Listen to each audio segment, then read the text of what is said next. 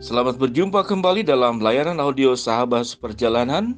Hari ini adalah hari Kamis 17 September 2020. Tema renungan daripada hari ini yaitu lampu tanpa cahaya. Firman Tuhan terambil dalam Amsal pasal 4 ayat 18 sampai dengan ke-19. Demikian bunyi firman Tuhan.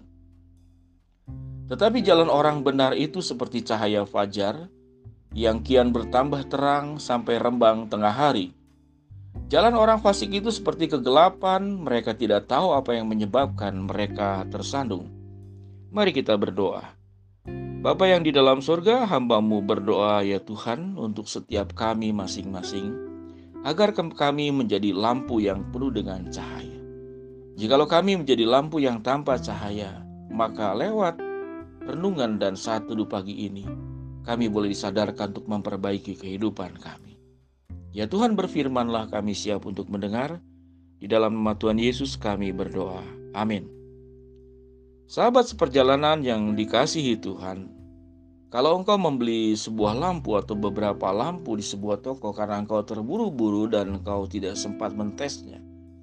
Setelah sahabat seperjalanan membayar sampai pulang ke rumah, dengan semangat, dengan sukacita bahwa beberapa ruangan yang lampunya mati, maka pada hari itu akan terang benderang karena sudah membeli lampu yang baru. Namun setelah dipasang ternyata lampunya bisa akan rusak. Tentu kita akan sangat bersungut-sungut. Sudah capek-capek, sudah bayar, sekalipun mungkin bisa diganti kembali ke toko yang awal. Maka kita akan sangat kesal sekali dengan keadaan ini. Sahabat seperjalanan, Lampu yang tanpa cahaya itu mungkin justru adalah diri kita sendiri. Kita menjadi lampu, betul. Statusnya adalah lampu, sama seperti kita adalah orang percaya. Semua kita adalah lampu, semua kita adalah orang percaya. Namun menjadi orang percaya yang bercahaya atau tidak itu urusan lain. Sehingga jangan menjadi pribadi Anda betul statusnya lampu, Anda betul statusnya sebagai anak Tuhan, namun kehidupan kita tidak pernah mencerminkan sebagai anak Tuhan. Maka di sanalah permasalahan itu menjadi dimulai. Bagian firman Tuhan yang sudah kita baca bersama-sama, agar kita menjadi orang benar yang seperti cahaya fajar, yang terus-menerus bercahaya, bahkan terangnya itu sampai kembang tengah hari. Mari kita belajar dari matahari. Sewaktu saya masih kecil, saya beranggapan bahwa Matahari itu bercahaya kemudian gelap lagi, bercahaya kemudian gelap lagi. Pada saat kemudian dia terbenam ataupun e, sebelum terbit, maka anggapan saya waktu masa kecil, oh itu mata mataharinya berarti sedang padam, maka besok pagi akan terang lagi. Itu pikiran saya selagi masih kecil, masih anak-anak. Namun yang jelas bahwa matahari terus menyatakan terangnya. Kalau nampaknya tidak kelihatan, maka matahari itu sedang bersinar di tempat yang lain karena bumi ini bulat. Dan matahari itu tidak pernah bisa dikalahkan oleh kegelapan. Di mana terang itu ada, kegelapan itu akan hilang. Kegelapan itu akan tersingkir. Sahabat seperjalanan yang dikasihi Tuhan, ada dua alasan yang membuat lampu itu tidak bercahaya. Yang pertama adalah lampunya memang sudah rusak. Jadi walaupun dicolok ke listrik, kemudian di stok kontak terkoneksi dengan sumber listrik, dia tidak akan kemudian menjadi menyala. Faktor yang kedua adalah memang berkoneksi sendiri dengan sumber listrik itu. Dua bagian ini adalah sebuah gambaran kita sebagai orang percaya. Bahwa kalau ada kerusakan dalam kehidupan kita, namun kita tidak mau diperbaiki, maka kita tidak pernah akan mengalami sebuah kehidupan yang penuh dengan cahaya. Hal-hal yang rusak dalam kehidupan kita kalau ingin menjadi lampu yang penuh dengan cahaya yang benderang. Ada kesedihan hati untuk diperbaiki oleh Tuhan, diservis oleh Tuhan. Diubahkan oleh Tuhan.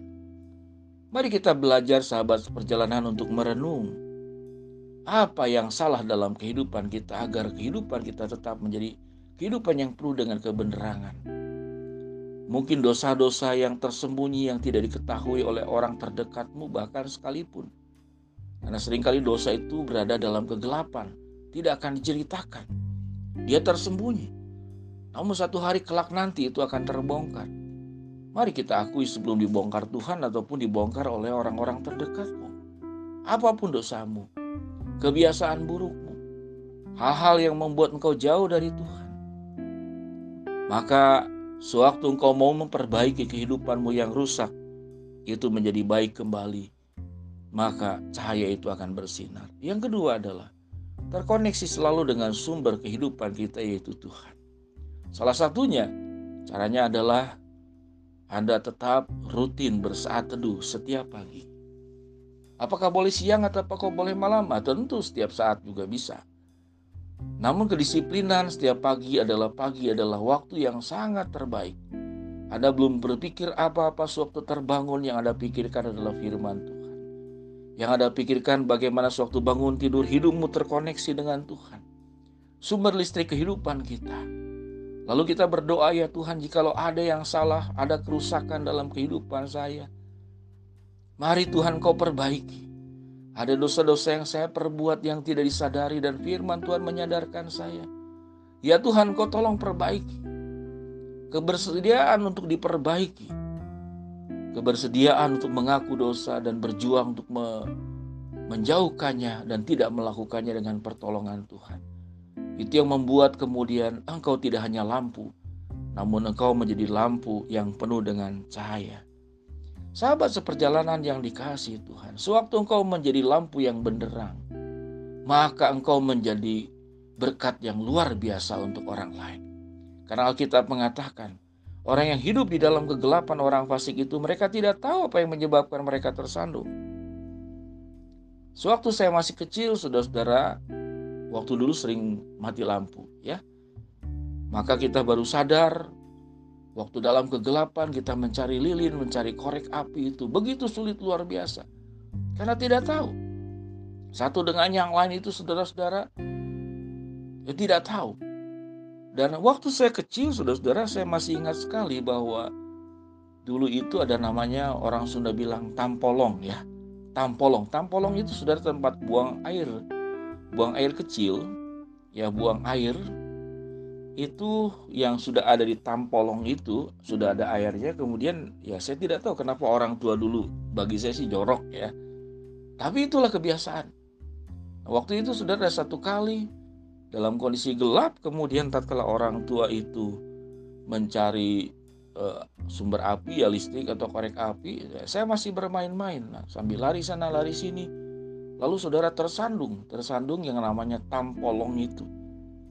Lalu airnya saudara tumpah sebagian ke badan saya dan itu memang bau luar biasa ya.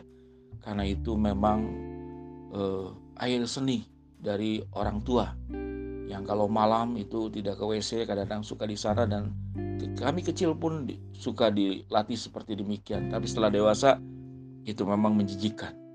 Saudara-saudara dalam kegelapan itu banyak hal yang bisa membuat kita tersandung.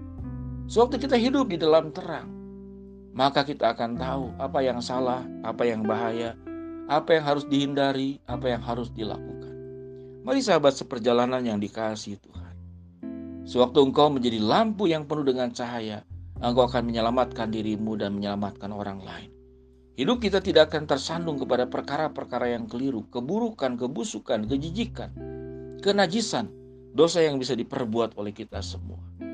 Sahabat seperjalanan yang dikasihi Tuhan, jadilah lampu yang penuh dengan cahaya, jangan menjadi lampu yang tanpa cahaya. Syaratnya cuma dua, punya kebersediaan untuk diperbaiki oleh Tuhan kehidupan ini. Yang kedua, hidup tetap terkoneksi dengan sumber listrik, sumber kehidupan kita, yaitu Tuhan sendiri. Mari kita berdoa.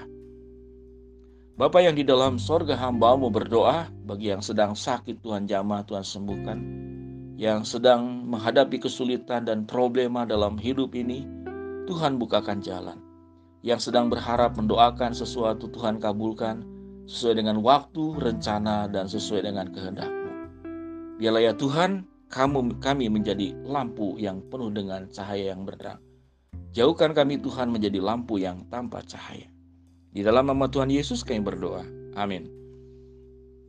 Sahabat seperjalanan yang dikasih Tuhan, kalau Anda terberkati lewat layanan audio ini, silakan untuk bantu share, berbagi kepada keluarga, sahabat-sahabat yang yang kita kenal, agar mereka tetap menjadi lampu yang penuh dengan cahaya.